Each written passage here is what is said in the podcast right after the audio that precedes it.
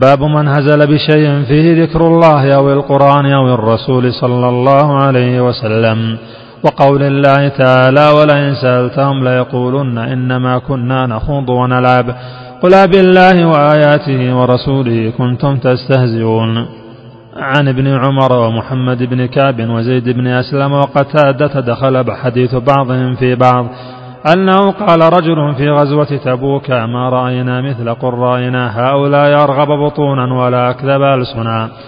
ولا جبن عند اللقاء. يعني رسول الله صلى الله عليه وسلم وأصحابه القراء.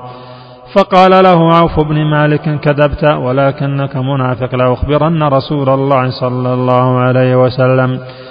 فذهب عوف إلى رسول الله صلى الله عليه وسلم ليخبره فوجد القرآن قد سبقه. فجاء ذلك الرجل إلى رسول الله صلى الله عليه وسلم وقد ارتحل وركب ناقته. فقال يا رسول الله إنما كنا نخوض ونتحدث حديث الركب نقطع به عن الطريق.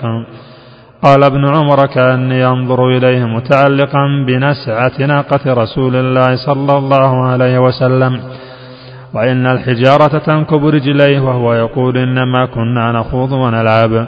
فيقول له رسول الله صلى الله عليه وسلم أبالله وآياته ورسوله كنتم تستهزئون. لا تعتذروا قد كفرتم بعد إيمانكم. ما يلتفت إليه وما يزيده عليه. فيه مسائل الأولى وهي العظيمة أن من هزل بهذا فإنه كفر. الثاني أن هذا تفسير الآية في من فعل ذلك كائنا من كان. الثالثة الفرق بين النميمة وبين النصيحة لله ولرسوله صلى الله عليه وسلم.